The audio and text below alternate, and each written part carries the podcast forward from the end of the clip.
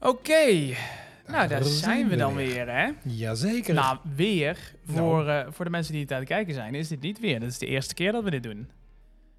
Zeker. Ja. Ja. Alleen nou in het Nederlands. Ja. Want we hebben deze The Unlimited Potential podcast vorige week aflevering 1 gehad. Alleen toen hebben we een Engelstalige aflevering Ja. opgenomen. Klopt. En dat was echt onze eerste podcast. Serieus. Een Ja. uurtje daarvoor hadden we het opgesteld. Ja, hebben, hebben we deze, deze supermooie eh podcast studio gebouwd. Ja. En toen meteen maar aan de slag gegaan. Eerste aflevering opgenomen. Superleuke responses op gehad van Ja. mensen. Ja. Ehm, heel enthousiast. Een paar mensen die toch zeiden, omdat we natuurlijk zelf Nederlands zijn. Die zeiden van, nou, ik had het wel lekker gevonden om lekker naar jullie in het Nederlands te luisteren. Dat komt dan goed uit. Dus dat komt goed uit. Dat gaan we nou dus doen. Jullie zien het nou waarschijnlijk op het kanaal van Unlimited Potential eh, NL. Ehm, we, hebben, we hebben twee kanalen. Unlimited Potential en Unlimited Potential NL. En in NL zul je dus Nederlandse content van ons gaan zien. En gaan we ook één keer dus per twee weken een NL-podcast maken. Ja. Ja. Ehm, hoe, vond je, hoe vond je het de vorige keer gaan? Want het was echt de eerste keer dat jij eh, zoiets deed als een podcast maken. Ja. Ja, ik had ook al heel veel eh, audiofiles ingesproken hè, met allerlei eh, voor onze online programma's. Maar ik vond het echt super leuk om te doen. Nou, een van de redenen was natuurlijk dat, eh, dat, dat die vragen die jij stelde, die sloten zo mooi aan bij alles eh, wat wij aan het doen zijn. Dat ik het een, eh, echt een belevenis vond. Ja. Ja. En dus ook heel veel zin had dus om vandaag weer aan de slag te gaan. Ik wilde eigenlijk al de Lekker. volgende dag meteen aan de slag gaan. Ja, maar- we hebben, we hebben echt bijna de hele week nog doorgepraat over meer podcasts maken en, Ja. eh, en dat soort dingen. Ja. Het is echt, als we er eenmaal zitten, is het wel echt heel bijzonder om te doen. Ja, ja, Ehm, ja, heel erg leuk. Mag ik ietsjes, ietsjes dichter bij de microfoon Oké. Ietsjes. Oké. Het scheelt heel weinig hoor. Nee. Maar. Ja, wij zijn ook nog aan het leren. Hè? Dus hier en daar zul je nog wel eens iets zien, maar daar zul je maar mee moeten dealen. Ja. We zijn mental health experts, geen podcast experts. In ieder geval nog niet. maar dat komt vanzelf. Nee. Ehm, ik wilde eigenlijk instarten. hè. Of ja, Ja. la- laten, we, laten we beginnen met voorstellen. Oké. Ja, nou, eh Gerard Dekkers. eh, ik ben eh, psycholoog en econoom in Eindhoven. En eh, al heel veel jaren werkzaam eh, in de, alles wat te maken heeft met geestelijke gezondheid. En niet alleen voor individuen, maar, eh, maar ook heel veel eh, binnen bedrijven en met name binnen teams. Ehm, lange tijd eh, gedaan bij allerlei corporates eh, in Nederland en eh, sinds eh, 2012 voor mezelf. Ja, veel sociale, sociale communicatiestijlen is een heel mooi ding waar jij natuurlijk veel mee doet. Ja, heel veel. Heel gaaf om te zien. Ik heb, mm, ik heb het geluk gehad dat ik natuurlijk de trainingen bij heb mogen wonen. Al, bo- wonen. Al twee keer. Ja.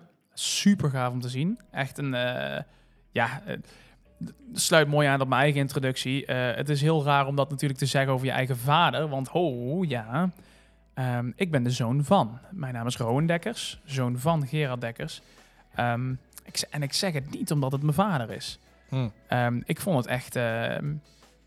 Mijn vader, of zoals we in het mooie, mooie zuiden zeggen, ons pap. Die, ehm, die zei altijd al: Ja, je moet echt eens een keer bij die training zijn. Want dan ga je het zien. Dan ga je het ervaren hoe dat nou is. Ook met die sociale communicatiestijlen. En ik dacht altijd: Ja, ja, ja, ja, pap. Ja, ja, ja. En toen was ik een keer mee. En toen heb ik het gezien. En nou, echt, er is geen woord aan gelogen. Het is zo gaaf om daar, om daar mee bezig te zijn, om dat te zien. En ook om mee jezelf aan de slag te gaan. Natuurlijk weer op het niveau van sociale communicatiestijlen. Ja, is heel gaaf om te zien. Nou, voor de mensen die mij voor de rest niet kennen. ehm Rowan Dekkers, 26 jaar. Ehm, ja, geboren en getogen. Ja, niet geboren, maar wel getogen in Eindhoven. In het mooie zonnige zuiden. En eh, ik maak hier buiten content.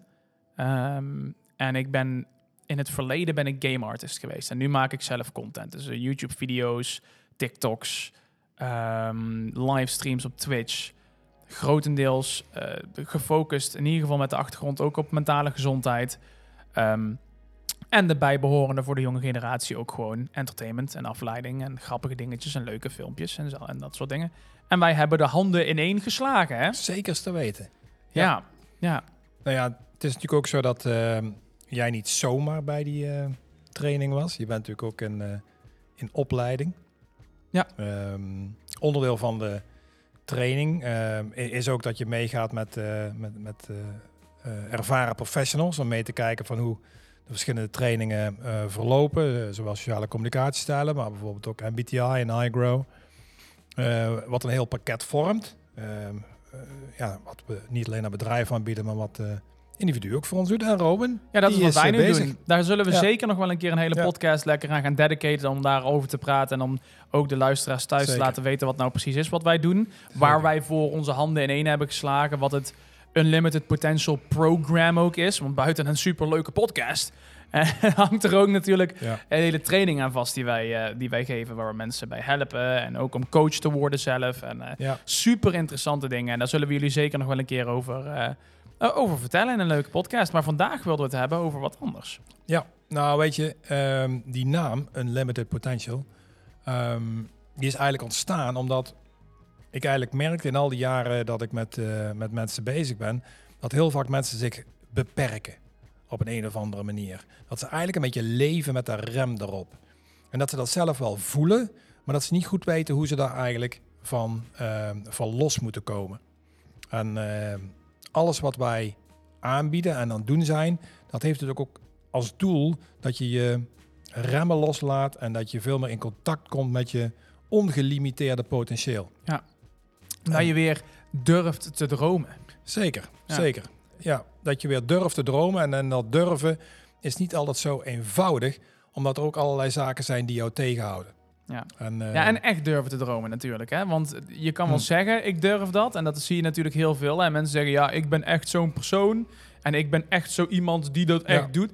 Ja, maar ook laten zien. Ook wel echt, echt durven te dromen. Zeker, zeker. En ehm, ehm, dromen ehm, in de context eigenlijk van dingen die eigenlijk passen bij jouw persoonlijkheid. Ja. Heel veel mensen die worden toch geleefd door datgene wat het leven hun ehm, aanbrengt, wat, wat er gebeurt in het leven. Ja. En, ehm, en, en vanuit die context wordt er niet altijd optimaal gebruik gemaakt of eh, invulling gegeven aan je kernkwaliteiten. Datgene waar je als persoon gewoon heel erg goed in bent. Ja. Van nature goed in bent. Buiten het feit dat je misschien sommige van die kwaliteiten eh, natuurlijk niet eens ontdekt soms. Gewoon puur door de overtuigingen die dus, waar je ook al zegt, in het, in het verleden erbij zijn gekomen. De belemmerende overtuigingen waar wij het natuurlijk ook Ja. wel eh, Ja. nog even over wilden hebben vandaag. Ook Zeker. een stukje. Zeker. Die Zeker. dingen die, eh dat zijn sluipmoordenaars, hè? We hebben het in de vorige, hebben we vorige week over gehad in de podcast. En toen Ja. moest ik op een of andere manier, eh, probeerde ik het eh, Engelse woord te fabriceren voor, Ja, klopt. voor sluipmoordenaar. En toen kwam ik op sneak predator, kwam ik uit. Maar Ja. dat is wel wat het is natuurlijk, hè? De, de belemmerende overtuigingen die je opbouwt door allerlei situaties in je leven. Ja, en om het wat minder dramatisch te maken. Ehm, het, het, het, het ik hoeft niet, ja, het hoeft niet meteen een moordenaar te zijn. Maar wel dat je je niet lekker in je vel voelt. En dat je eigenlijk niet goed weet waarom dat is. Ach, ik heb toch leuk werk. Ik ben toch goed bezig. Ik heb toch een fijne partner. Ik eigenlijk mijn baan oké. En toch voelt dat niet goed. Op, niet helemaal goed. Nog niet verzadigd, zeg maar. Ja, ja niet, niet dat je echt denkt van... Wow, wat ben ik geïnspireerd. En, Ja. en wat haal ik veel energie uit alles wat ik doe. Ja. En dat heeft heel vaak te maken dat je toch nog net niet in verbinding bent met datgene wat echt bij jou past. En heel vaak ehm, ben je dus, word je tegengehouden door allerlei belemmerende overtuigingen. Nou, wa- wat zijn dan belemmerende overtuigingen? Ehm, alles wat te maken heeft of wat begint met ik denk niet dat ik dit kan. Ik ben niet goed genoeg. Ik ben niet groot genoeg. Niet knap Le- genoeg. letterlijk, letterlijk de, de, ja, de ontleding van het woord. Hè? Het is Ja. een overtuiging, die, iets waar je van je overtuigd bent, Ja. wat je belemmert, wat je tegenhoudt. Iets waarvan jij denkt van ja, dat is, dat is gewoon zo. Ja, Ehm waar jij tegen jezelf blijft, blijft roepen. nou dat. dat, en, ja, dat is gewoon. Ik, ik kan dat gewoon niet. Ik, eh, ik kan gewoon geen marathon lopen. En dat dan zeggen terwijl er... Terwijl je een gezonde 30 jaar oude man bent, zeggen dat je geen marathon kan lopen. Terwijl vorige week een, eh, een bejaarde man van in de 70 de Ja. marathon nog heeft uitgelopen, zeg maar. ja, ja, nee, maar dat is eh, Maar dat, dat soort, een, heel een hele speciaal heel- persoon, toch? Die man, dat is een heel speciaal persoon. Die kan dat, maar ik niet. Maar ik niet. Nee, Nee. natuurlijk niet. Nee, natuurlijk niet. Nou, en, en, en dit, Als je dat blijft zeggen, dan kun je dat ook inderdaad echt, echt niet. Nee. En het grote, de grote challenge eh, v- voor de meeste mensen is, is niet om te geloven dat datgene wat ze uitspreken waar is. Dus ik kan dit niet. Nee, dat is logisch. Het is toch realistisch. En, en, dat snapt toch iedereen dat ik dat niet kan. En ja, weet je, ik ben ook zo niet gebouwd. Of ik, eh, ik ben niet intelligent genoeg. En ik heb die opleiding niet gehad. En eh et cetera, et cetera, et cetera. En ehm, hoe vaker je dat tegen jezelf zegt, des te meer het een onderdeel wordt van jouw realiteit. Dus hoe vaker je dat zegt, Ja. hoe meer het een onderdeel wordt van je realiteit. En, En dat hoe- sleept, dat, dat slijt Ja. er echt in, hè? Dat is echt niet, als, dat, als je dat maar vaak genoeg zegt, het is niet alsof het iets is waarvan je iemand dan op een gegeven moment vertelt, ja, maar dat is niet zo. En dan ze zeggen, oh, oké, oh, nee, nee, je hebt gelijk, dat is inderdaad... eh, nee. het, het, het zit er echt in en op een gegeven moment is het onderdeel van iemands realiteit geworden. ja, hoe vaker je dit soort belemmerende overtuigingen realiteit laat zijn van jouw eigen leven, des te dieper ook de sporen, de karrensporen, waar ik dan vaak over Ja. spreek, Ja. hoe dieper die karrensporen ook uitslijten. En, en, de, en de metafoor trekt zich eigenlijk door, want, want iedereen snapt dat als je in een karrenspoor zit en je wil eruit, dus je wil ook andere paden ontdekken en bekijken, dan zul je een sprongetje moeten maken. Dan moet je uit dat karrenspoor. En Ja, ik- dan kom je op een pad Ja. wat, waar, nog geen karrenspoor zit. Dus dat voelt ook nog een beetje wiebelig. Ik vind het een je? beetje eh, altijd hetzelfde voelen. Misschien is dat een iets... Karrenspoor is natuurlijk niet misschien voor iedereen duidelijk. Ehm, ik, ik vond zelf al... Dit is wel de, voor ons de meest logische beschrijving. Vooral als Ja. je het wat visueel kan uitdrukken. Maar iets wat voor mij ook, terwijl ik er zo over praat... altijd wel heel duidelijk is... is als je het bijvoorbeeld hebt over eh, met skiën. Hm. Als je door een dikke, dikke berg met eh tief sneeuw heen, heen skiet... Dan heb je natuurlijk ook zo'n baan. En die baan die volg je waar andere skiers al zijn geweest. En of andere snowboarders of wat je ook doet. Ja. Daar ga je doorheen en dat is heel makkelijk. Maar als je probeert dan die diepere sneeuw in te gaan, buiten dat pad wat al is gemaakt door de vorige, eh, door de vorige snowboarders, dan is dat moeilijk. Dan kom je daar moeilijk zo van dat, van dat pad af. En als je dat eenmaal doet, dan Ja. kom je in ook al die, in al die rare diepe sneeuw. En dat is ongecontroleerd. En Ja, ja en, al, en, en dat, dat levert dus die challenges op. Dus, dus, je, dus je durft misschien wel even uit, uit, uit jouw begane pad te komen, uit jouw habits. Eh, en, ehm, maar als je dat dan doet, dan kom je op een soort onbegane paden. Dus dat voelt een beetje ongemakkelijk in het begin. En ondanks dus het feit dat je dus dat andere karrenspoor, wat niet helemaal paste bij je natuur, en je eigenlijk helemaal niet zo heel lekker bij voelde, voelt wel vertrouwd. Dus, je- dus ondanks dat voelt het toch vertrouwd en heb je de neiging om soms nou ja, heel snel weer terug te glijden naar je begane pad wat je al kent. Ondanks dus dat het niet helemaal lekker voelt. Ja, ja, dat, dat, dat is een, en, en, ja, en dat, is, dat is een serieuze challenge. En, dat is dat is de, valstrik van heel veel mensen. Hè? Gewoon Ja. puur uit het idee van een vertrouwde omgeving. En het eh, nadenken van, hé, ja, dit heb ik toch altijd zo gedaan. Ehm, en daar dan maar, maar vanuit gaan dat dat dus eigenlijk zeker een, een valse vorm van zekerheid biedt. Ja. Want het is helemaal geen zekerheid natuurlijk. Je denkt het, maar ja, niks voorspelt de toekomst. Niks voorspelt of dat dat karrenspoor voor altijd Hmm. nog een fijn karrenspoor zal blijven. Of dat er niks raars in gaat zijn. Niks, eh, er is niks wat jou garantie kan geven dat jouw relatie altijd geweldig gaat blijven. Dat je baan Nee. altijd geweldig gaat blijven. Nee, Dat jouw baas jou altijd gaat houden. Zelfs als je een vast contract hebt gekregen. nee. Eh, het, zijn, het is allemaal schijnveiligheid. En nou zeggen we natuurlijk niet. Dat, dat, dat is natuurlijk niet waar we naartoe gaan met de Unlimited Potential eh, podcast. Zeggen we niet. Iedereen moet nu zijn ontslag indienen die nog niet voor zichzelf werkt en die nog niet zijn. De, nee, is het natuurlijk niet. nee maar het is niet. belangrijk natuurlijk wel om ten alle tijden eh, om te leren om op een of andere manier ten alle tijden goed eh, te, in lijn te blijven met je eigen gevoel. En eh, te kijken naar wat, jouw, wat je wensen zijn. En je niet zomaar door belemmerende overtuigingen misschien in dat karrenspoor te houden. Nou, het is, het is een hele mooie, want ehm, ik krijg vrij veel cliënten bij mij ook in de praktijk. En ik doe dat één dag in de week. En de rest van de tijd eh, eh, werk ik met, eh, met groepen. En ehm, met name in die individuele sessies zeggen mensen... Ja, maar hoe weet ik nou dat ik in een ja, In een sleur. patroon, in een sleur zit... die eigenlijk niet bij mij past? Hoe weet ik dat nou? En een van de dingen die, wij, die ik mensen altijd vraag om te doen... is om een kwispellijstje te maken. Echt, dit, hier hebben we het al vaker over gehad. Ja. Dit is echt een van mijn favorieten. Ja. Ik heb een, een, een coaching-cliënt gehad vorige week. Was serieus een van de eerste dingen die ik, die ik tegen hem zei. Omdat hij op een gegeven moment, hij zat ook heel erg met van ja, wat vind ik nou leuk? Wat is nou mijn passie? Was, was iemand die eh, heel veel deed, eh, die heel veel gamede. Hm, Oké. Ehm, eh, wat ook heel verklaarbaar was voor hetgene waarom hij het deed. Want dat was op dat moment hetgene waar hij zijn dopamine uithaalde natuurlijk. Mhm, mhm. Ehm, en dat is ook een heel makkelijk ding, want daar worden games op gedesigned om jou dopamine te geven.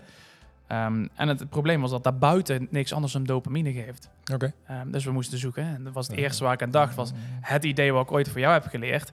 Ja. Eh, het kwispellijstje. Zeker, zeker. Nou, eh, voor degenen die het niet weten, wat is nou een kwispellijstje? Er zijn activiteiten die energie opleveren. En je hebt activiteiten in je leven die energie kosten. Ja. Nou, om het een beetje leuk en gezellig te maken, ehm, noem ik die, inner, die alle activiteiten die energie opleveren, dan noem ik je kwispellijstje. Dus alles waar je staart van gaat kwispelen. En dat zo uitputtend mogelijk opschrijven over de periode van een week. Nou, we snappen allemaal, als dat kwispellijstje serieus kort is, dan, ehm, dan hebben we een challenge. Want dan zijn er blijkbaar heel weinig dingen die je in de praktijk doet, die jouw energie geven. Ja. En vanuit dat kwispellijstje ga je eh, ontdekken voor jezelf één, of je er heel veel hebt gedurende een week. En ten tweede, of er ook bijvoorbeeld een top 1 of 2 is. Ehm, Iets wat je echt heel veel energie geeft, of juist... Ja. Ja, ja. maar waar je wellicht nog relatief weinig tijd aan spendeert. Dus het zijn eigenlijk twee vragen. Eén, het kwispellijstje maken. Je lijst van allemaal dingen die je leuk vindt en met name die energie geven. En ten tweede, hoeveel tijd spendeer je nou aan de dingen die je heel leuk vindt? Hoeveel Nou, doe je nou ook van jouw kwispellijstje? Zeker, zeker. Hoeveel tijd spendeer je daaraan? Ik, ik denk dat er best veel mensen namelijk zijn die ook inderdaad zeggen van ja, dit zou ik heel graag willen doen, want daar word ik vrolijk van. Maar, Alleen dat doen ze niet door allerlei andere dingen.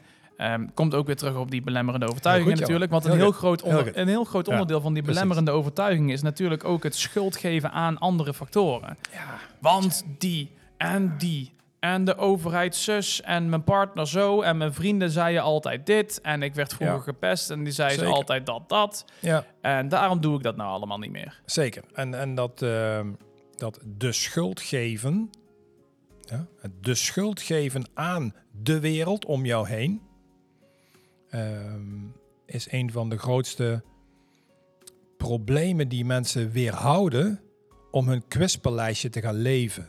Ja. En dus, ja, weet je, ik, mijn omgeving staat het niet toe. Ja, maar daar kan ik geen geld mee verdienen. Ja, maar eh, als, je, als ik dat doe, dan vinden ze me gek. Dan vinden ze me een raar mens.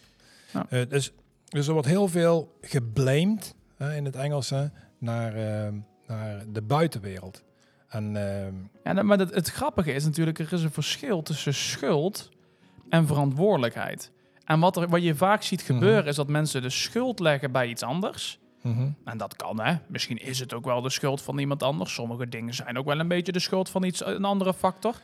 Alleen wat, wat er dan automatisch een beetje mee gebeurt, is dat sommige mensen dan ook de verantwoordelijkheid bij die ander leggen. ja, En dan zeggen van, nou- Wat bedoel je daarmee dan? Nou, iemand geeft mij een schuld van iets, of eh, Mhm. ik geef iemand de schuld van iets, van ja, dankzij dat die mensen dat hebben gezegd, Mhm, doe ik dit nou niet.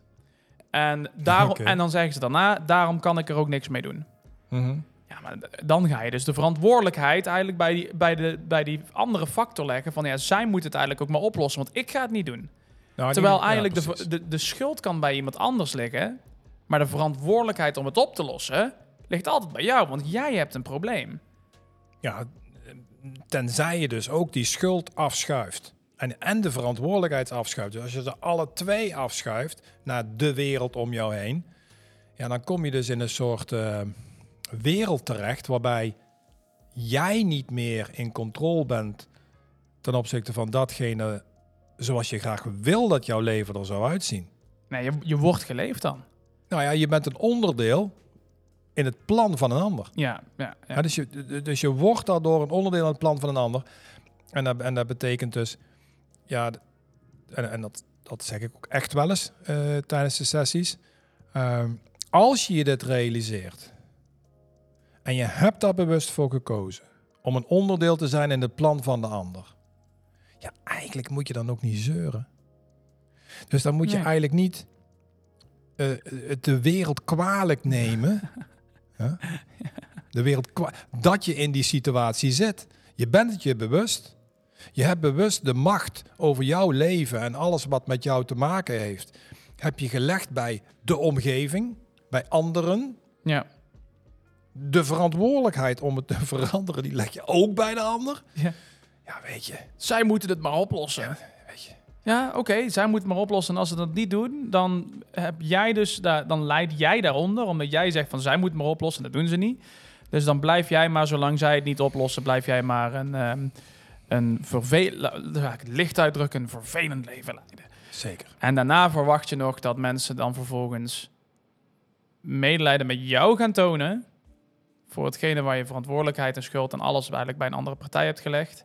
Dat kri- krijg, komt dan uiteindelijk natuurlijk komt een stukje de slachtofferrol. Eh, wat ik op zich wel logisch vind. Ik bedoel, het is niet alsof die Hmm. mensen ook, eh, alsof, alsof het ook niet, het is ook echt vervelend. Alleen hetgene waar we dus altijd de vergissing maken is eigenlijk in het hele, er is een overkoepelend probleem waar we net ook al over Hmm. hadden. Het probleem is niet het specifieke geval. Het probleem is niet J- Jantje die jou ooit heeft eh, uitgemaakt voor, eh, voor, voor whatever. En dat jij daar de schuld aan geeft en de, de verantwoordelijkheid. Dat is niet het probleem. Het Nee. probleem is dat je door belemmerende overtuigingen wordt beïnvloed momenteel. Ja, en hoe die belemmerende eh, overtuigingen zijn ontstaan. En eh, ben je je vaak niet meer van bewust. Je weet niet echt meer dat je continu denkt of zegt: dat kan ik toch niet. Of dat is toch niet voor mij weggelegd. Nee, je bent je daar niet eens meer bewust van die gedachten. Ja. En door bijvoorbeeld dus zo'n kwispellijstje op te stellen, word je je weer bewust van wat je wil. En, en, en, en wat je gaaf vindt om te doen. Ja. En ja, ja, voor de luisteraars en voor de kijkers eh, hier, ik zou echt ernstig adviseren om dat een keer te doen. Stel er een keer in op. En wanhoop niet als het dus een keer, als het in het begin niet meteen lukt. En als het niet Dus- meteen allemaal positief is en meteen Zeker. allemaal goed en je Zeker. doet het nog niet allemaal, je hoeft ook niet alles te doen. Misschien vind je wel 200 dingen leuk. Eh, dat, is, dat gebeurt natuurlijk ook wel vaak dat mensen zeggen: Ja, ik vind het zoveel leuk. Ja, je hoeft ook niet alles te doen. Kies er gewoon eens één en probeer eens. Wat, wat op zich nog wel, ja, weet je, ik, en ik, we improviseren natuurlijk eh enigszins, maar wat ik wel echt heel gaaf zou vinden als mensen in de comments eh, ons hun kwispellijstje zouden sturen. Ja, super gaaf. Want we hebben deze podcast, die wordt op Spotify geplaatst, op Apple Podcasts, Ja. maar ook op YouTube. Ja. Ehm, en in al deze gevallen vinden we het super leuk natuurlijk om ook eh, iets terug te horen van jullie. We hebben, wat we al zeiden, bij de Engelstalige podcast hebben we al best wel wat leuke reacties gekregen van mensen. Ja, En dat vinden we super leuk om te zien. Ehm, dus ook deze keer weer. Als, als je bijvoorbeeld zegt van... hey, ik zou mijn kwispellijstje wel eens op willen sturen. Ja, dat mag gewoon. Dat vinden wij super leuk om te lezen. Of als je feedback hebt over de podcast. Als je iets fijn vond of niet fijn vond om naar te luisteren. Ja. Ehm, eh, Of, of iets, hè, dat, mag, dat mag gewoon altijd. We zijn een hele makkelijke... We zijn twee hele makkelijke mannen die hier gewoon lekker een beetje... Nou ja, over Plus- eh, mentale gezondheid aan willen zijn. zeker. Eh, en ook omdat we natuurlijk eh, aan het opstarten zijn. En eh, we willen ook graag van jullie horen wat fijn is, wat je wellicht ook nog een keer in de podcast behandeld wilt zien.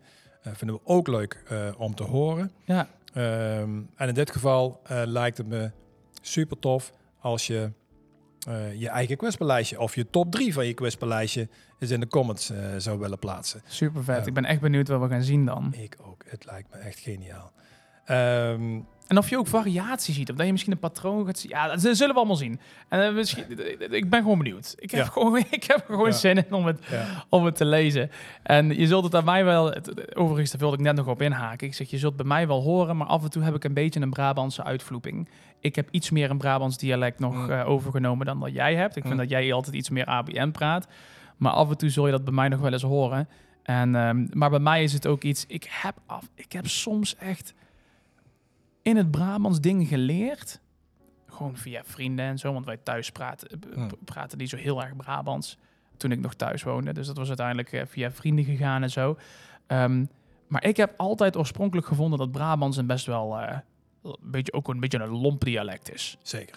En, ehm, maar daar, heb, daar zitten toch een aantal uitspraken bij waar toch wel een beetje achterliggende gedachte achter zit. Dat ik dacht van nou, daar zit nog wel een beetje wijsheid in. Nou, doe Be- eens een een. beetje. Doe eens Zo een heb dan. ik met belemmerende overtuigingen is er een, een Brabantse uitspraak die Ja. mij geholpen heeft. Om, om, be- om betere controle te krijgen. Nou ben ik benieuwd. En dat was eigenlijk, de, de, het was eigenlijk meer een grapje in de vorm van een grapje. En dat was namelijk dat eh, zodra iemand tegen jou zei: dat moet je niet doen of dat moet je wel doen. Of eh, ehm, zo moet het of zo moet het. Dat we eigenlijk met een- ik en een paar vrienden reageerden daar altijd op met Max Alfluit. Max zelfverluid. Max Alfluit. Echt op, op alles wat er werd gezegd. En dat was dan als grapje, hè? dat was humor gewoon. Het was niet, dan deden we het ook niet of zo. Ehm, maar bij de kleinste dingen al. Als we gingen eten en iemand zei smakelijk eten, zei ik Max Alfluit. En dat was echt, dat was zo komisch. Maar uiteindelijk zijn we dat zo vaak gaan doen, dat het echt serieus ook wel iets van impact heeft gehad op het stukje belemmerende overtuigingen. Want Ja. uiteindelijk is dat natuurlijk een stukje wat je moet leren om daar vanaf te komen. Dat je gewoon tegen jezelf ook gaat zeggen, oh, ik, ik, ik ken dat nog niet. Ik ben hier nog niet voor opgeleid. Of ik, eh, ik heb deze skill nog niet. Ik kan die marathon nog niet lopen. Dat je gewoon zegt, dat maak ik zelf wel uit. Ik ga wel trainen. Ik ga het wel leren. Dat maak ik zelf wel uit. Ja, en toch is het interessant, want ehm, het uitspreken wordt natuurlijk vaak gedaan rond nieuwjaar. Ik ga dat doen, ik ga dit doen, et cetera, et cetera. En om een, een of andere reden gebeurt het dan toch niet.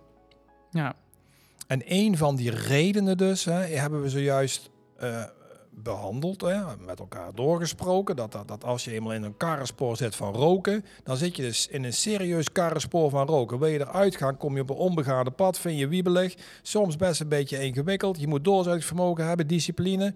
En dat lukt niet altijd, of je krijgt een kleine terugval. Woep, en voordat je het weet zit je weer in, in, dat, datzelfde karrenspoor.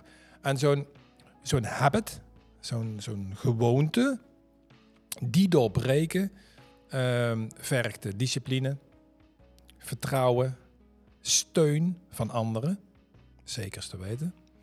Ehm, en, maar vergt ook passie en visie. Dus, dus, dus kijken van waar je naartoe wil en, en, en in welke mate jou dat ook ehm, energie geeft. ja en ook een stukje acceptatie, denk ik. Oké. Acceptatie als in... ehm, wanneer je voor iets kiest, dat je het ook gewoon accepteert dat je dat gaat doen en dat met overtuiging doet. Dus wanneer je dat karrenspoor erbij gaat, heb je natuurlijk veel mensen die dan die ervoor kiezen van, nou, ik ga nou derailen, om het even in het Engels te zeggen. Ik ga van mijn karspoor af. Ja. En die dan eigenlijk meteen in de paniek schieten. Dus dan doen ze het niet vol overtuiging. Vol overtuiging is, ik ga er nou af. Ja. Ik ga dit 100% geven. Ik ga alles doen wat ik kan. En ik ga gewoon er ook proberen van te genieten ook. Ik pak die kar met twee handen vast. En dit gaat schudden, jongen. Ik zet bij de schrap voor, maar we gaan gas geven nou. Ja, ja en, en, ehm, en, ik, heb, ik merk in deze podcast, Rowan is er super enthousiast en zegt, dan moet je zo en zo en zo. En, en wat er meteen in mijn brein gebeurt, hè, dat ik die in die 10.000 gesprekken die ik gevoerd heb, dat, dat ik elke keer denk van, oh ja, nee, klopt, doen mensen. Maar om het vast te houden, om het vol te houden, om geïnspireerd te blijven. En dat geldt voor ondernemers, maar dat geldt ook voor kleine dingen. Ja, Eh, om het vol te houden, discipline eh, en met name ook geloof en passie eh, voor datgene wat je wil bereiken. En, en, en daarbij ehm, eh, verliezen we soms wel eens de moed. Of we vallen terug, hè, wat we zojuist over hadden, in die blame mode. In, in, die, in die schuld geven aan de omgeving. Hè? Ja. Ehm, dat, dat, dat dat de reden is waarom iets niet lukt. maar dan wil je daar eigenlijk een gewoonte van maken. Dus van het, van het moedig zijn Hm. en het je passie volgen, daar wil, dat wil je eigenlijk je karrenspoor maken. Niet, dus het, het eigenlijk het buiten je karrenspoor stappen, wil je eigenlijk je karrenspoor van maken. Dat dat gewoon voelt als Ja. gewoon voor jou. En ik, ik ken ook echt serieus een, gewoon mensen, waar, en eigenlijk denk ik de mensen die het, in mijn omgeving een beetje een patroon wat ik heb gezien, die misschien wel het meest gelukkig zijn, zijn mensen die echt, die hebben er gewoon lak aan, die doen het gewoon. Iets nieuws, maakt niet uit, daar komen we wel uit, daar vinden we wel uit, we gaan het gewoon proberen, vol overtuiging en we gaan het doen, want het voelt goed. Ja, en wat is nou nodig om te, om te durven doen wat echt bij jou past? En, en, en de meeste... wat het allerbelangrijkste hier is... En dan word ik een klein beetje serieus, Rowan, hè, maar wat het alle, allerbelangrijkste is, is dat je, ehm, dat je de veiligheid en de geborgenheid voelt in jezelf. Dus dat je, dat je bij jezelf, in jouw lijf, de veiligheid en geborgenheid voelt. En als je die hebt, dan kun je natuurlijk elke challenge aan, want je neemt jezelf namelijk altijd mee. In welke challenge dan ook. Voor mij is dat gevoel altijd een beetje... mm, ik vond het een beetje vergelijkbaar altijd met een eh, kinderlijk gevoel. Dus het gevoel van, van dat je, eh, wanneer ik echt denk aan iets wat ik echt gaaf vind om te doen, dat gevoel van veiligheid waar jij beschrijft en van Mm. dat je echt bij jezelf zit, dat voelt voor mij als een, altijd als een gevoel alsof ik weer een klein kind ben. En misschien dat dat ook wel een beetje natuurlijk ehm, eh, in lijn ligt met het feit dat als kind kun je nog, doe je nog heel veel onge- ongeremd. Natuurlijk, Zeker. weinig, weinig invloeden gehad.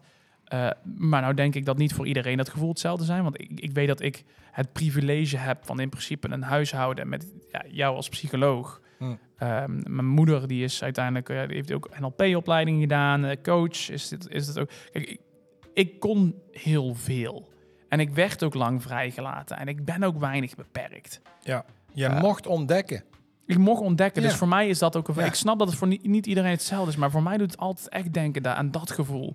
Echt dat ik... Ik voel me echt altijd weer een klein kind. Als ik even bezig ben met dingen die ik echt leuk vind. Waar Hm. ik energie van krijg. Ja, en daar is, is de steun dus van mensen om je heen, eh, eh, blijf ik een, een belangrijk onderwerp vinden.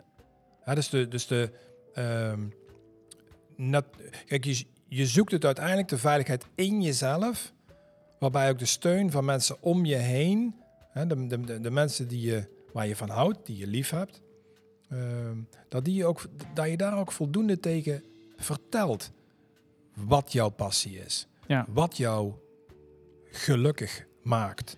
Ja, Wat jouw eh kwispellijstje is. ja, maar niet iedereen heeft dat geluk, denk ik.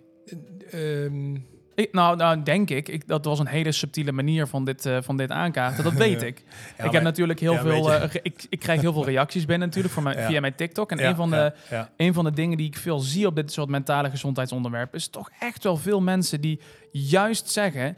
ik vind dit gaaf, maar Mm. mijn ouders zijn het er niet mee eens. Of mijn vrienden zijn het er niet mee eens. Of, en daarom durf ik het niet te doen omdat mijn vrienden en mijn familie mijn ouders die vinden... Kijk, ik heb het natuurlijk eh, het geluk gehad met jullie, maar ik was er heel bewust van, van toen, toen de tijd toen ik de keuze maakte om game artist te worden. Waar ik nu van, eh, waar ik nou niet meer doe. Maar toen de tijd de keuze maakte om game artist, ik was er wel bewust van dat het een hele, heel groot risico was. Die markt was heel risicovol om game artist te worden. Ehm, en ik wist ook dat heel veel kinderen niet dat privilege hadden wat ik had. Dus waar ouders wel zeggen van dat moet je niet doen, want dat is een hele grote, heel groot risico. Je kan Ja. beter een baan pakken waar je meer baangarantie hebt. Ja, maar het was echt, ja, een beetje, ook voor de luisteraars. We mogen het vertellen, hè, hoe, bij, hoe je bij je eerste baantje terechtgekomen bent. Hè? Met jouw eerste game art baan. Dus eh, eh, kijk, Robin die wist zo zeker dat hij daar iets in wilde gaan doen. Dat hij ehm, bij mij wat dingen ging doen op kantoor hier. En eh, toen hij even buiten stond aan de klets kwam. Dat was helemaal niet voor jou. Jawel. Nee, want ik had hier een kantoor via, Och. eh, via ons mam, die, eh, die Ja. ons mam, via mijn moeder. Ja, precies. die, eh, die had. maar het die was wel kende hier op kantoor. Het was hetzelfde gebouw. Ja, ja, ja, hetzelfde gebouw als waar we nou ons huidige, ons huidige kantoor Ja. hebben, inderdaad. Ja. En daar was ik naar buiten gegaan, inderdaad. op een gegeven moment, want toen rookte ik nog. Dat was ook een, eh, een Ja. eh, ongezonde Habit. habit. Ehm, een ongezond Zo. karrenspoortje. En eh, toen ging ik buiten roken. Toen kwam ik iemand tegen. eh, die in een gamebedrijf eh, hadden ze hier meegepraat, portfolio laten zien, bla bla bla. Uiteindelijk daar terechtgekomen. Ehm, Ja, maar het was Ja. ook zo super toevallig, want ze waren aan het verhuizen. als ik een dag later was geweest, wat Maar- eigenlijk de planning was dat ik toen naar kantoor zou komen, maar als ik een dag later was geweest, dan had ik ze nooit ontmoet. Precies. En ehm, in mijn beleving was hij zo overtuigd dat dat, dat ging lukken, dat er dus dat ontstond. Het leven ontvouwt dan zich om je heen en creëert dat ook dan. Zit je echt in die, ja, in die, eh, in, in, eh, hoe heette dat ook alweer? In die Through laag me. van realiteit. Ja, ja. De, de, de through me, de Mode. door mij modus. Want daar hebben we het Ja. dus de vorige keer over gehad. En dat wilde ik heel graag ook nog deze podcast aankaarten. Dat we het daar even over gingen hebben. Want dat is zo'n interessant concept. En je ziet het precies terug in die situatie. Er zijn... Ja, ja, kun jij de, introdu- kun jij de introductie Ja, doen? Want jij kent ook... Ik ben de naam even... Peter heette die, Peter toch? Sage. Peter Sage. Peter Sage. Het is een, eh, een, een, een self-made man uit, eh, uit, eh, uit eh, de UK. En, ehm, en, en nou, zoek hem maar eens op eh, op het internet. Eh, ongelooflijk eh, mooie verhalen hoe hij uiteindelijk ondernemer geworden is. Maar wat hij gedaan heeft, hij heeft ehm, vanuit een, eh, een, een, een wat theoretische eh, consciousness levels, ehm, heeft hij er eh, vier ehm uit gedistilleerd. En hij zegt daarvan, ja, er zijn eigenlijk Via Eh, niveauen aan bewustzijn. Van zeker- hoe, zeker. Ja, hoe Ja. je in je bewustzijn staat. Zeker. En, en, en, en dus ook hoe je met je omgeving omgaat. En, ehm, en dus het eerste niveau hebben we het al een beetje over gehad. Hè? Daar hebben we het al. over de blame me, de buy me mode. Dus, dus, de, de, dus de wereld eh, is overal de schuld van. Je geeft ook heel de wereld schuld voor alles wat er met jou gebeurt. En het is een, eh, het, het is een, ja, een klaagstaat waar je in zit. Ja. En, en- en, nou, je zult ze niet graag de kost willen geven van de mensen die in die staat zitten, terwijl ze niet eens weten dat ze er eigenlijk in zitten. En ook niet eens weten hoe slecht dat voor ze is dat ze erin zitten. Nee, want ze zijn echt, want die mensen zijn vaak echt in, ja, in pijn. Want alles Zeker. voor hun gevoel is dat natuurlijk echt waar dat de hele wereld negatieve events op hen afstuurt. Zeker. En dat het niet hun eigen schuld is. Dus het voelt natuurlijk ook extreem machteloos. Ja. Ik kan er niks aan doen. Het ligt allemaal aan de buitenwereld. Alleen ik word wel de hele tijd getroffen. Nou, dat. En ehm, als je uit die blame mode naar het volgende consciousness level, het volgende bewustzijnsniveau eh, wil bewegen, ehm, dan ga je realiseren dat je, ehm, dat je doelen voor jezelf kunt stellen. Was To Me heette dat bewustzijn, toch? By me. Was het By? Nee, want By Me is dat jij het doet, toch? To Me was dat het allemaal op jou af. Life happens to me. Dat, dat is de eerste level Ja. consciousness. En het tweede level is by me, dus door mij. En, en, in, in, en in dat niveau, waar ook heel veel eh, programma's op, ge, op gebaseerd zijn, doelen stellen, targets, ehm, eh, eh, weten waar je naartoe wil, een plan maken, aan de slag gaan, just do it. Dat zit in die, in die tweede level van consciousness. Ja. Ehm, en, en we hebben ook in de Engelstalige ook aangegeven dat dat soms wat tiring kan zijn. Dat kan soms wel Het is een hele actieve level van Ja, bewustzijn. Heel... super actief, super gefocust, super gericht. eh, maar geeft je ook relatief weinig mogelijkheden om ook buiten dat pad te ondernemen of te leven. Want, want je zit heel super gefocust, focus. super focus ja, op ja. ongelooflijk eh, waardevol. Ook als je zaken wilt realiseren als ondernemer, maar ook, ook bin- binnen je bedrijf. Ehm, ehm, dat kan toch heel vermoeiend worden op een gegeven moment. Eh, Mensen die al 30 jaar met name daarmee bezig zijn eh, en op een gegeven moment in, een, in, zichzelf in een situatie eh, bevinden dat ze misschien wel eens niet zo goed meer weten wat er in hun omgeving eigenlijk nog plaatsvindt. Want ze zijn zo gefocust geweest 30 jaar lang. Eh, en dat ze daar misschien dan wel niet zo super blij meer mee zijn. Ehm, en hij heeft een derde niveau eh, gedefinieerd en dat heet eh, Through me. Through Me. Oh. En, en in het Through Me niveau, wat ik toch wel een beetje koppel aan de situatie die we besproken hadden over Ja, Rowan. dat die- is inderdaad, daar, nou komen we terug inderdaad Exact. naar die Dus, dus hij stond daar gewoon en hij, hij ademde game artist. Was het nog helemaal? Was alleen maar afgestudeerd? Nou, op dat moment ademde ik verbrande sigarettenlucht eh, uit. Ja. Dat, dat was wat ik op dat moment Ja, uitademde, maar dat was ook al Ja. voldoende. Precies.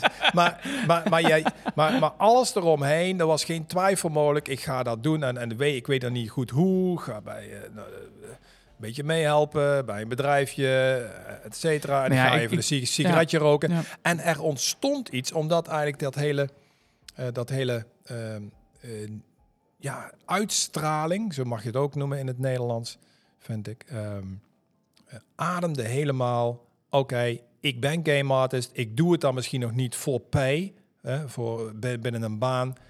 Maar, ehm, maar dat is wie ik ben. En, ehm, en zo ontstond dat. Dat ontstond. Dat was een, een Ja. flow.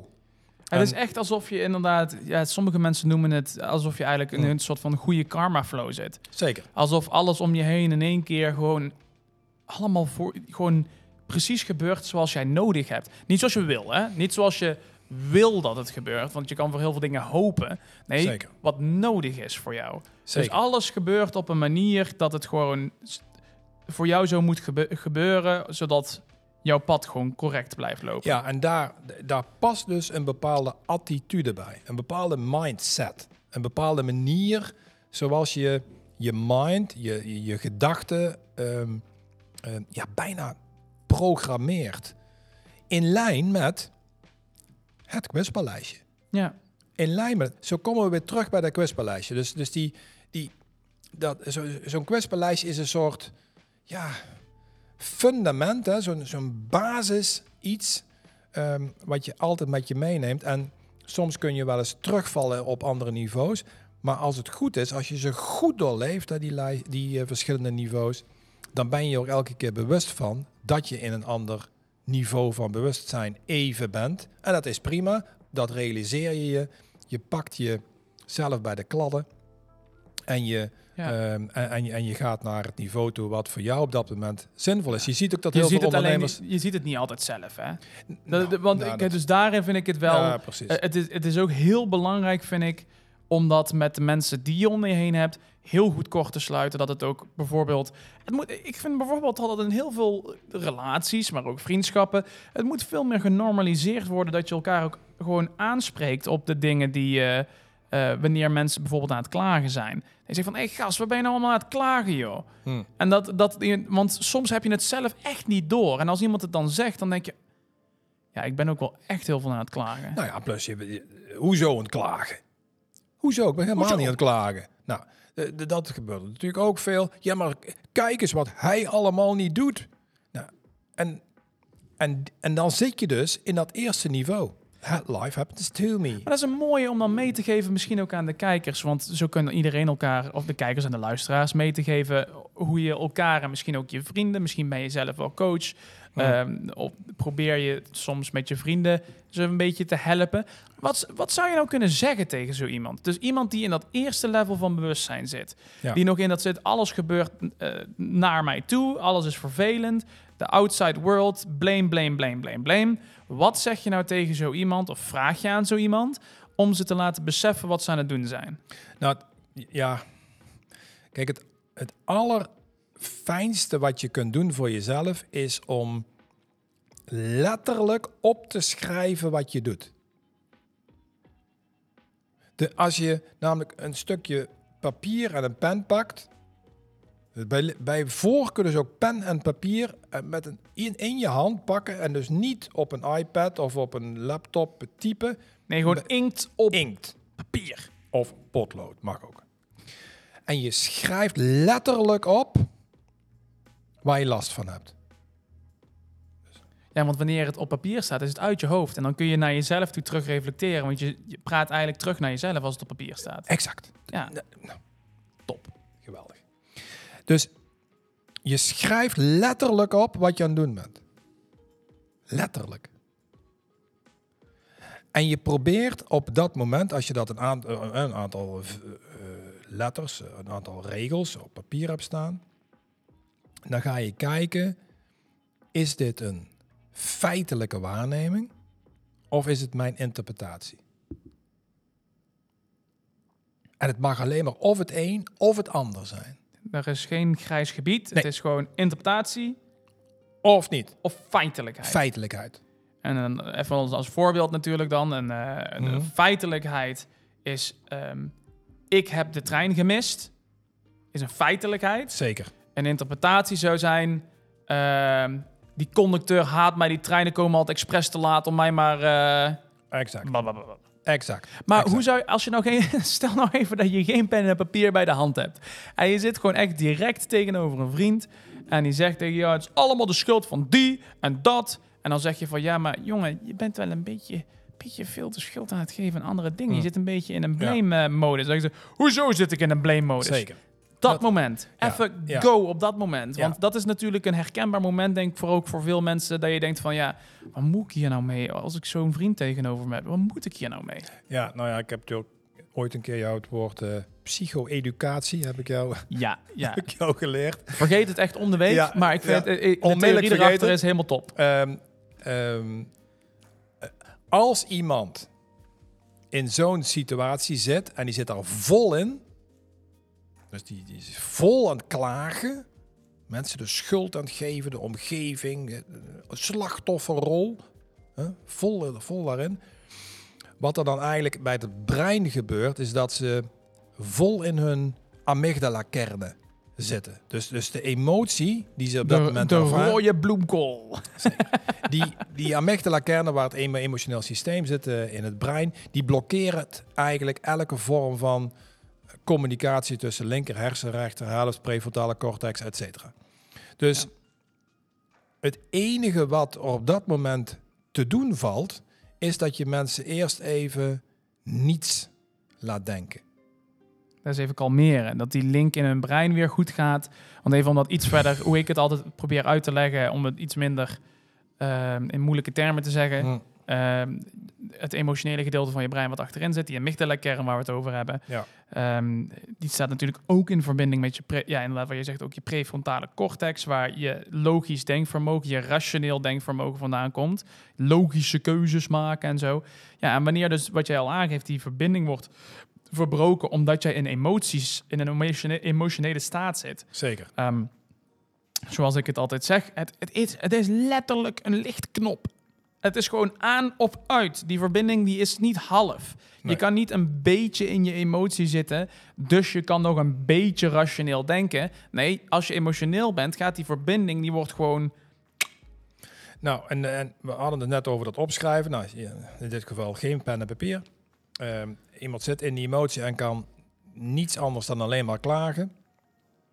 Dan is het ehm, de volgende truc is vragen of die persoon zich even 30 seconden puur en alleen concentreert op zijn in- en uitademing.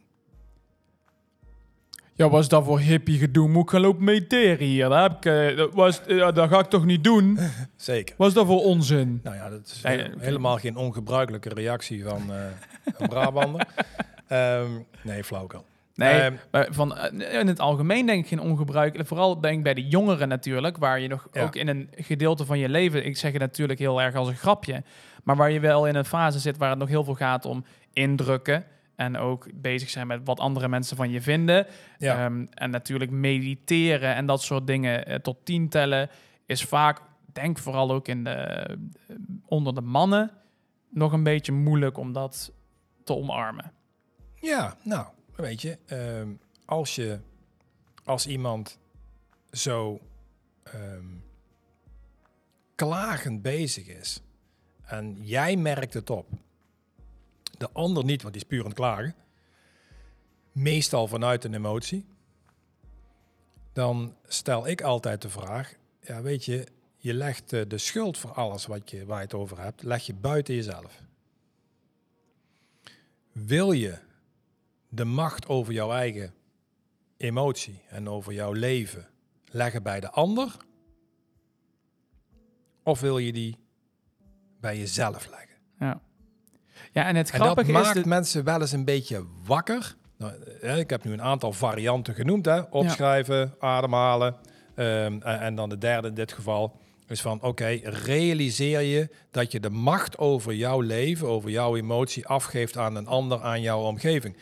Ehm, vind je dat oké? Nou, ik heb nog echt nog niemand gehoord die zei... Dat lijkt me een goed idee. Ik wil echt de macht over mijn emotie en mijn leven aan een ander geven. maar vooral dat stukje natuurlijk, vind jij dat oké? Want dan stel je die vraag terug, vind je dat goed? Dit, gaan we, dit is het plan, dit is wat we gaan Dan doen. moet je vooral ben je dit daarmee blijven eens? doen. Zullen we dat doen? Ja. En als je dat zegt, als je die, die vraag, want vooral het eindigen met een vraag is altijd natuurlijk heel goed. Zorg dat je ze een vraag terugstelt. Ehm, ja, dat, dat, dat zet wel een, een hele leuke, het is wel een leuke opzet voor leuke antwoorden en interessante ontwakeningen. Maar het ironische is er natuurlijk ook dat de situatie, dat gesprek, is een bewijs van dat ze het aan het doen zijn. Want Zeker. in 90% van de gevallen zul je ook zien dat als jij dan tegen iemand zegt van... Hey, ik, eh, het is opmerkelijk dat je best wel veel de schuld bij je anderen neerlegt en dat je aan het blamen bent.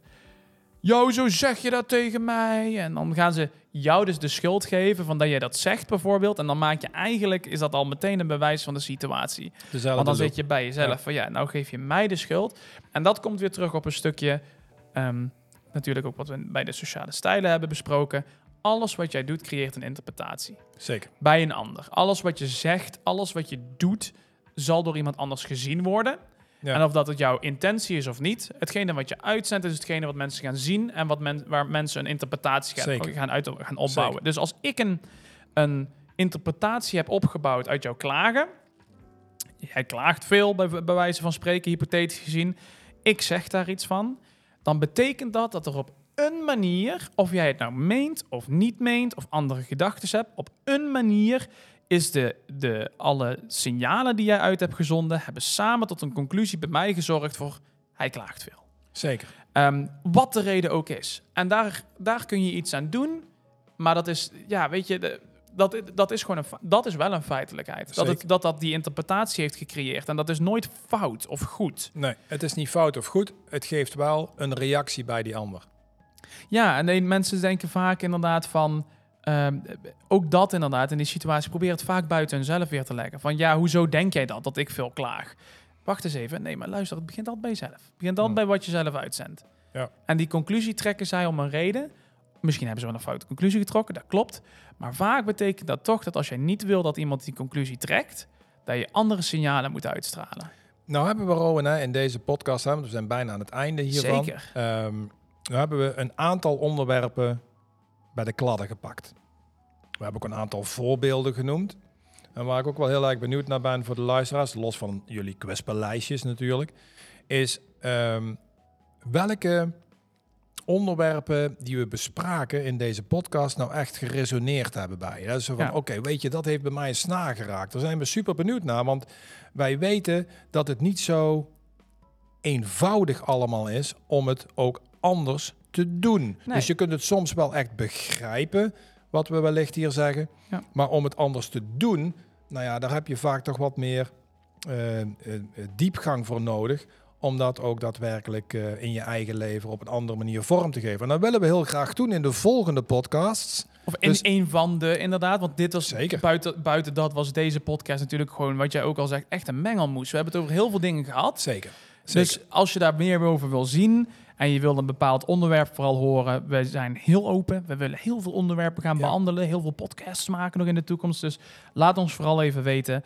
Eh, dat kan in de comments, maar dat hebben we ook eerder niet genoemd. Als je bijvoorbeeld op Spotify luistert of iets. Ja. Je, kan, je kan ons ook gewoon een mailtje sturen. Dat vinden we ook heel leuk. En dat zou dan zijn op info at unlimitedpotentialprogram.com. Kom. Ja. Com. Info at unlimitedpotentialprogram.com.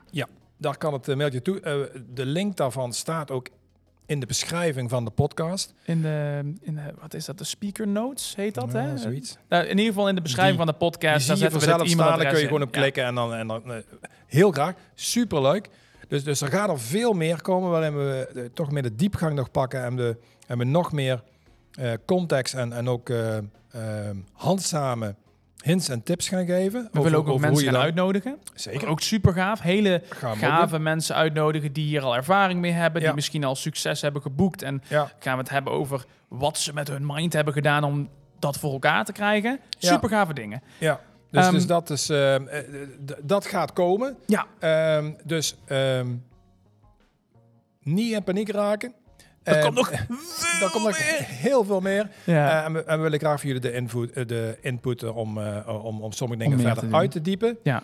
Ehm, en dus ook om jullie de mogelijkheid te geven om je een limited potential te vinden. ehm, te vinden. Ja. Eh, en daar eh, toegang tot te krijgen. Wil je dat nou graag eh, als, allereerste weten wanneer de nieuwe podcast uit is? Zorg dan eventjes dat je, dat je op het volgknopje drukt. Of dat je je abonneert op de podcast. Of dat je op YouTube even subscribt. In ieder geval iets van een manier. eh, in ieder geval dat ervoor zorgt dat je een melding krijgt wanneer de nieuwe aflevering uitkomt. Elke twee weken gaan we namelijk een podcast in het Nederlands opnemen. En ehm, in de, de weken die daar parallel aan staan, dus de andere week, eh, maken we een Engelse podcast die op het Unlimited Potential, het normale Unlimited Potential kanaal gaat Ja, komen. Dus klopt. je hebt in principe elke week, als je ook Engels eh, houdt van Engels luisteren, heb je iedere week een podcast van ons. Eh, dus zorg eventjes dat je, daar, dat je daarop volgt als je het leuk vindt om het te zien.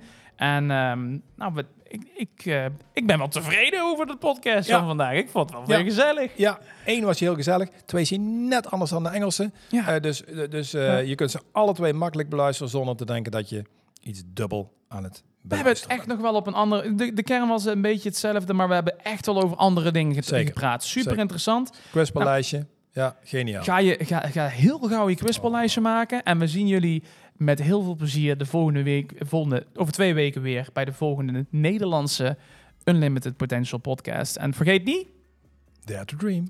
durf te dromen. Tot de Bye volgende keer. Bye bye.